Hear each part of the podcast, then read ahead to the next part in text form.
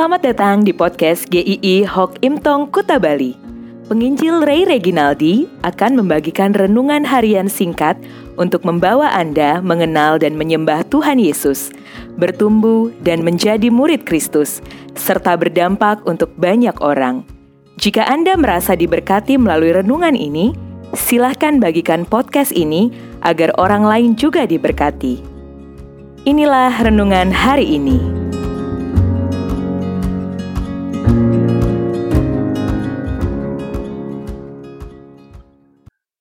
Berdoa itu penting. Kolose 4 ayat yang kedua. Bertekunlah dalam doa dan dalam pada itu berjaga-jagalah sambil mengucap syukur. Sekarang ini sedang ada tren bersepeda atau goes. Saya perhatikan begitu banyak di jalan-jalan orang yang bersepeda, terutama di hari-hari libur, di weekend, banyak orang yang naik sepeda bersama keluarga atau teman-temannya. Salah satu berita yang viral adalah adanya iklan jual sepeda yang menuliskan dijual karena suami kebanyakan goes, nego halus. Yang menjual sepeda adalah seorang istri yang merasa suaminya itu sudah kebanyakan, sudah overdosis goes. Walaupun ini tampak konyol, tapi ini masalah serius. Sepertinya banyak yang menarik kesimpulan bahwa waktu suaminya dihabiskan lebih banyak dengan sepedanya daripada dengan keluarganya. Ada yang komentar, ya biarin aja lah suaminya sepedahan daripada melakukan hal-hal lain. Sebetulnya sepedanya tidak salah. Tetapi kalau kita perhatikan, orang melihat adanya kehilangan relasi, itu tidak bisa dianggap sebagai hal yang biasa-biasa saja. Ternyata itu bermasalah saat orang Kristen tidak lagi menjadikan doa bagian dari hidupnya sebagai relasi dengan Tuhan, itu masalah yang serius, bukan masalah yang biasa-biasa saja. Mungkin banyak orang Kristen tidak merampok, tidak mencuri, tidak melakukan hal-hal dosa yang lain, tidak berselingkuh, tidak menonton film porno, tetapi tidak ada relasi dengan Tuhan. Doa itu bukan hanya soal kewajiban, tetapi soal relasi dan komunikasi. Apakah Anda masih komunikasi dengan Tuhan?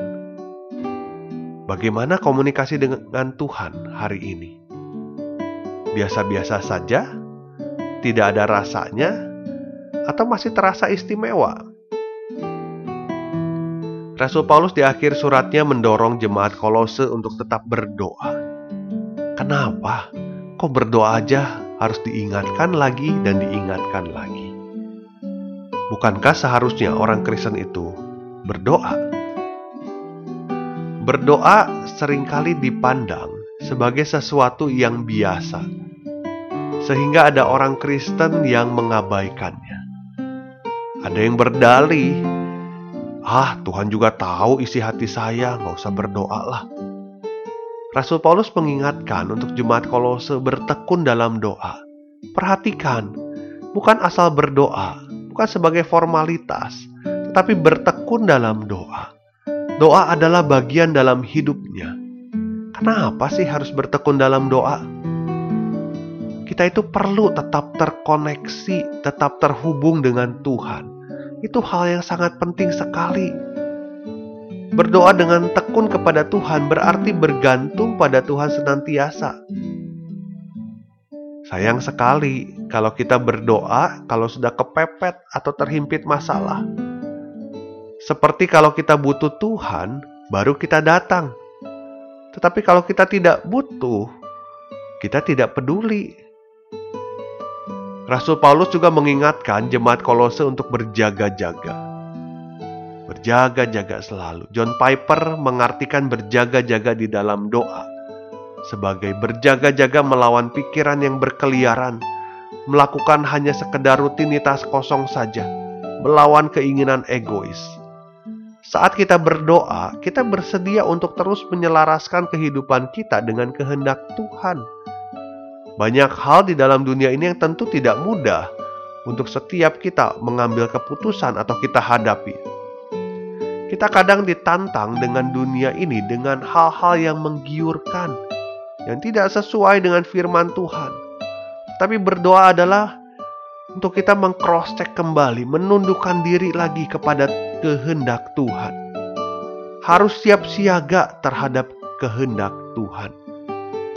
Berdoa juga berarti kita peduli untuk pergumulan-pergumulan orang lain. Berdoa bukan melulu tentang saya dan saya, tetapi untuk mereka juga yang sedang bergumul. Terakhir adalah berdoa itu bersyukur, bersyukurlah. Bersyukur membuat kita mengingat lagi pemeliharaan Tuhan, kebaikan Tuhan saat bersyukur, kita sedang menikmati pemberian dan pemeliharaan Tuhan. Tetapi jika kita hanya ngedumel atas hidup ini, kita tidak melihat pemeliharaan Tuhan itu baik adanya. Mana yang lebih sering kita lakukan? Mengucap syukur atau ngedumel karena masalah? Bapak, ibu, saudara yang terkasih dalam Tuhan Yesus, berdoa itu indah sekali Bahkan kita bisa memanggil Allah yang Maha Kudus itu dengan Bapa.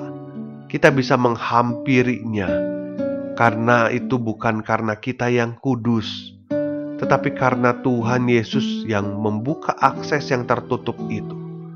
Pengorbanannya di atas kayu salib itu menjalin kembali relasi kita dengan Bapa. Sekat yang tidak pernah ditembus oleh siapa pun dibuka oleh Tuhan Yesus dalam kematiannya. Jikalau kita berdoa hari ini, bersyukurlah, pekalah, dan tekunlah. Tuhan memberkati.